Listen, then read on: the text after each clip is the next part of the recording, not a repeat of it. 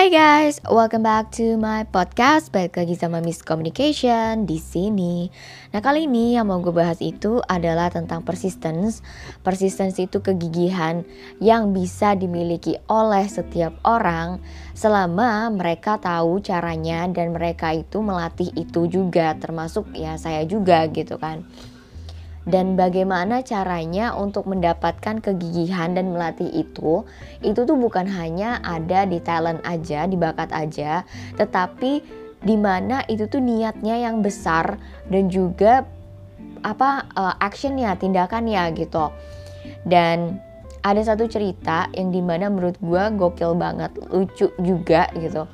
Dari buku dan juga dari pengalaman yang gue jalanin sendiri gitu hanya hal kecil tapi di situ tuh kelihatan persistensnya gitu.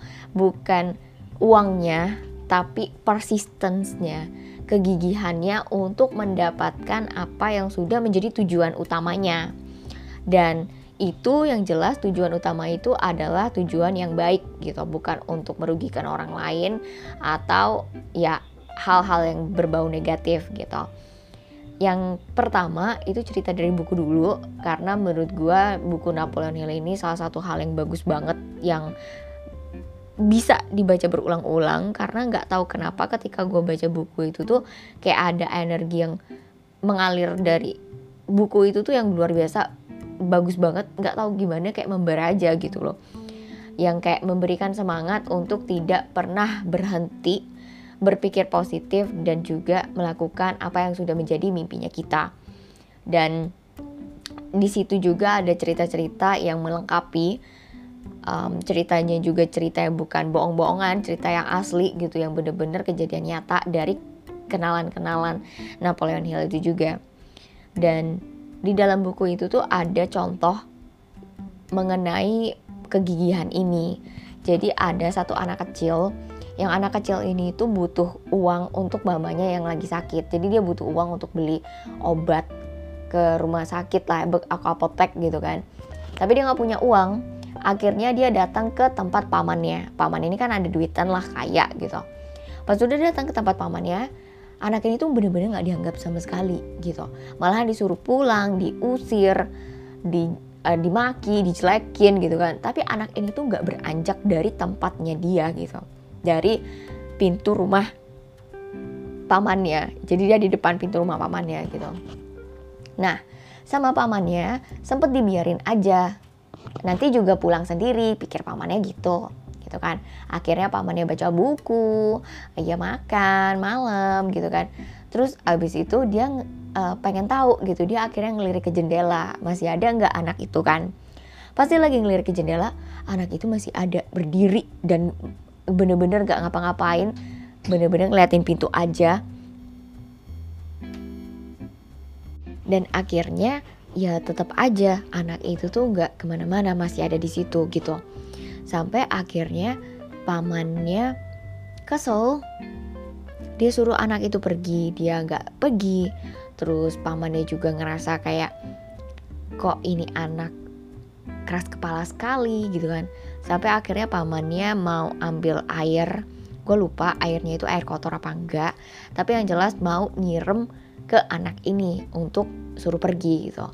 Waktu pamannya mau siram anaknya teriak berikan aku dolar untuk uh, aku lupa berapa dolar 5 dolar atau 3 dolar gitu kan untuk beli obat mamanya gitu. Dia teriak sampai teriak begitu kan. Terus akhirnya pamannya tuh diem airnya tuh nggak jadi dia tumpahin ke anak itu. Terus tiba-tiba pamannya keluarin uang sejumlah yang anak ini minta gitu. Waktu itu anak itu langsung ambil cepet-cepet uangnya terus dia lari. Dan dia menoleh ke pamannya ke belakang gitu sambil lari. Seolah-olah muka dia tuh menunjukkan uh, saya menang gitu. Bener-bener saya menang karena saya mendapatkan apa yang diinginkan. Dan di situ pamannya tuh kayak termenung aja gitu kok bisa ya gue ngasih ke anak ini gitu loh. Padahal tadinya tuh tekadnya sudah sangat bulat untuk tidak memberikan. Tapi karena kegigihan anak ini yang bahkan tadinya dia mau um, nyiram air gitu kan, eh malah nggak jadi. Malahan dia ngasih itu uang untuk anak ini gitu dari situ tuh udah kelihatan salah satu contoh sukses untuk mendapatkan apa yang diinginkan ya persistence gitu. Gigih dengan satu hal yang diinginkan. Kalau anak ini itu lebih ke dolar untuk beliin mamanya obat kalau kita ya cuman kita yang tahu gitu. Dan Napoleon Hill di sini memberikan empat hal yang bisa dipakai untuk persistence atau gigi dan mencapai kesuksesan yang kita inginkan. Yang pertama, tahu apa yang benar-benar kita inginkan yaitu definite major purpose-nya jelas gitu kan benar-benar yakin mau ini. Terus juga kita itu tuh ada energi yang luar biasa di dalamnya untuk pencapaian um, definite major purpose ini tadi gitu. Yang kedua sudah tahu rencananya sudah ada energinya untuk gerak buat rencana yang jelas dan terus action gitu. Jadi bukan hanya ingin dan energi, tapi juga rencana dan actionnya terus-terusan. Dan yang ketiga, jauh-jauhi diri dari yang namanya negative thinking dan juga saran negatif dari orang-orang sekitar bisa dari teman, bisa dari kenalan, bisa dari saudara gitu kan. Pokoknya dari siapa pun yang memberikan hal negatif gitu close it gitu bener-bener tutup. Dan mendekatkan diri pada orang-orang yang mendukung orang-orang yang positif orang-orang yang memberikan energi yang bener-bener ngedukung kita untuk jadi lebih sukses lagi untuk uh, berkarya untuk mencapai tujuan dari rencana kita itu tadi yang pertama. So guys empat hal dari Napoleon Hill dan cerita yang ada dari Napoleon Hill ini tuh yang bisa membuat kita menjadi sukses dan mencapai apa pun yang kita inginkan. Terus cerita yang gue pernah alami tentang persisten itu sebenarnya ada banyak, cuman yang baru gue alamin itu kemarin, gitu kan. Oh plus uh, well actually one thing yang cerita tentang um, faith itu itu juga part of persistence juga sih. Jadi kalau misalnya kita punya faith tapi kita nggak persistence kita nggak keep doing it gitu kan ya kita nggak akan dapat gitu. Tapi kalau misalnya kita uh, punya persistence gitu faith itu kan part of kita percaya untuk apa yang nggak dilihat dan ketika kita percaya untuk apa yang nggak dilihat kita bisa dapat, kita kan pasti akan terus action untuk dapetin itu karena di di pikiran kita itu sudah ada desire itu sudah ada dan itu tuh jelas gitu apa yang kita pengen. Dan ketika kita jelas dapat, kita tetap action itu tuh pasti tinggal tunggu waktu aja pasti datang, pasti bagus gitu hasilnya. Kalau ditanya kapan dan ditanya jalannya seperti apa, nggak usah pusing. Itu bukan urusan kita gitu. Yang urusan kita adalah hasil akhirnya mau apa dan kita keep doing it dan kita itu tetap positive thinking gitu untuk itu. Makanya kenapa penting banget positive thinking itu tuh ada dan um, mendekatkan diri pada orang-orang yang mendukung kita. Karena kalau misalnya kita mendekatkan diri pada orang-orang yang tidak mendukung kita percuma mimpi itu tuh pasti mati gitu. Karena kan bibit bibit yang tidak percaya adalah bibit negatif dan bibit tidak percaya itu adalah doubt, ragu, worry, cemas gitu kan. Beda sama yang positif tadi, yang percaya, yakin, beriman, itu kebalikan banget. Sekalinya bibit negatif itu ada, terus ke belakangnya negatif gitu. Gak akan gimana ya? Kita nggak akan menabur bibit negatif untuk mendapatkan bibit positif gitu. Kayak nggak mungkin banget gitu kan. Kita pengen sukses tapi kita melakukan hal yang negatif itu nggak mungkin banget gitu kan. Karena yang ditanam pasti buahnya juga sama gitu. Tapi kalau misalnya kita mau um, punya hasil positif ya kita mau nggak mau harus tanam yang positif juga. Walaupun ada orang yang mungkin negatif ada orang yang nggak percaya ada orang bumbu-bumbu yang nggak bener gitu kan ya. Untuk uh, pikiran kita lebih maju ya udah jangan deket-deket. Deketnya sama orang yang sukses gitu. Dan orang yang sukses itu yang akan membantu kita untuk mencapai apa yang kita inginkan di dalam hidup ini. Yang paling jelas itu terus ceritanya nih cerita yang gue jadi ceritanya tuh di di mall itu tuh ada satu kursi yang kursinya tuh um, untuk pijit di mana dia itu kayak vending machine kayak bener-bener kasih duit gerak langsung si kursinya gitu kan. Nah terus uh, waktu itu tuh mesin yang gue masukin tuh rusak jadi dia cuma ambil uangnya terus enggak gerak gitu kan. Dan tiba-tiba kursi itu jadi rusak. Ya kaget dong walaupun uangnya cuma sepuluh ribu dan menurut gue itu uang yang uh, um, maksudnya lumayan sepuluh ribu lah lumayan tapi nggak gede-gede banget gitu kan. Jadi kalau misalnya mau tutup mata tuh bisa. Cuman yang gue yang gue nggak ini itu gue ngerasa nggak fair ngerasa nggak fair tuh dalam artian gue tuh menantikan untuk di um, dipijit gitu kan pakai kursi pijit itu tapi kok nggak gerak gitu dan malah nggak dapat apa-apa. Keselnya tuh bukan karena kesel kehilangan sepuluh ribunya tapi keselnya tuh adalah gue nggak punya uang sepuluh ribu lagi dan sepuluh ribu gue tuh satu-satunya di itu dan tiba-tiba itu masuk gitu loh. Dan jadinya kan kesel ya cuman ya mau gimana? Kita coba cari tahu siapa tahu ada penanggung jawab ya udah muter-muter cari uh, PIC ternyata di mall itu nggak ada PIC-nya akhirnya gue ke information informationnya bilang hubungi nomor kontak yang ada di situ. Nah waktu itu gue juga udah hubungi nomor kontaknya tapi nggak dapet gitu kan. Akhirnya mau nggak mau gue give up. Hampir give up tapi sebenarnya mau give up tapi kayak nggak mau give up juga gitu. Dan yang lucunya saudara gue yang malah dia bener-bener serang itu nomor gitu. Dan dia tuh bener-bener nggak berhenti berhenti untuk serang itu nomor. Bener-bener dia telepon terus-terusan pakai WhatsApp terus-terusan juga pakai pulsa. Yang di mana waktu ditelepon pakai WhatsApp sempat diangkat lalu dimatikan kan. Akhirnya ditelepon pakai pulsa.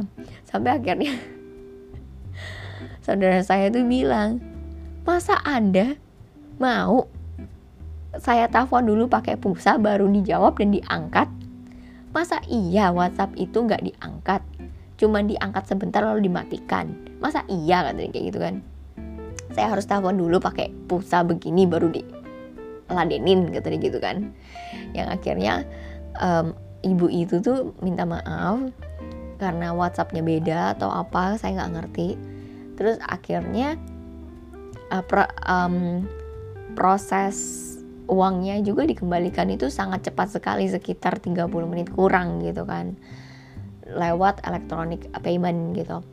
Cuman yang lucunya adalah adikku saudaraku itu bener-bener pantang menyerah. Bahkan yang tadi gue udah mau nyerah dia nggak nyerah gitu. Yang gue nggak habis pikir. Bukan masalah uang ya tapi masalah dia buang pulsanya. Dan lucunya lagi waktu dia bener-bener jagain itu kursi nggak ada orang yang boleh duduk gitu kan. Sampai akhirnya dia cerita ke orang-orang kalau misalnya dia uangnya ketelan di situ yang padahal sebenarnya notabene gue yang gue yang masukin gitu kan. Terus abis itu ibu-ibunya tanya emang kamu kehilangan berapa sama mesin ini uang yang masuk? Terus dia bilang adikku bilang sepuluh ribu bu gitu kan terus ibunya bilang ya ampun sepuluh ribu. Saya sudah panik-panik mendengarkan cerita kamu tapi cuma sepuluh ribu. Terus akhirnya adikku bilang ya untuk sepuluh ribu. Kalau misalnya seratus ribu juga sama aja kan? Gitu kan. Terus abis itu gue belajar satu hal di sini. Sebenarnya panik itu juga kan awalnya dari gue gitu. Yang di mana gue tahu gue itu nggak relanya adalah uang itu tuh uang satu-satunya bukan terakhir gitu tapi uang satu-satunya dibanding uang-uang lain gitu yang ibarat kata memang untuk itu gitu yang gue nggak punya lagi walaupun bisa aja kalau gue jajan cuman gue nggak mau kan. Nah lucunya lagi saudara gue itu bener-bener push banget untuk uang dia tuh balik gitu loh. Dan sampai bener-bener persistence banget untuk um, ke customer service itu kursi biar diberikan solusi gitu kan. Yang gue tangkap di sini bukan berarti uangnya gitu kan karena uang sekecil apa pun itu tetap uang dan bernilai. Cuman yang gue lihat adalah persistence gitu. Yang di mana selama persistence itu tetap dilakukan walaupun sepertinya tidak mungkin gitu kan. Karena kalau gue kan cuman nge WA doang chat sama telepon kalau nggak diangkat ya udah gitu kan. Karena gue pikir mungkin hari libur atau apa. Tapi kalau misalnya saudara gue dia itu bener-bener dia nggak peduli hari libur atau apa dia bener-bener hubungi nomor telepon itu terus terus terusan gitu kan. Sampai dia dapat apa yang dia mau which is um, apa pengembalian uang gitu kan refund.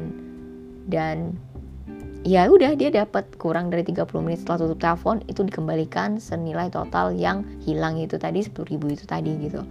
Uang memang gak gede tapi kegigihan itu yang menjadi nilai dari cerita ini gitu. Bahkan mungkin pulsanya dia pulsanya saudara gua yang makan makan itu lebih dari 10 ribu bisa-bisa karena kan dia telepon lama.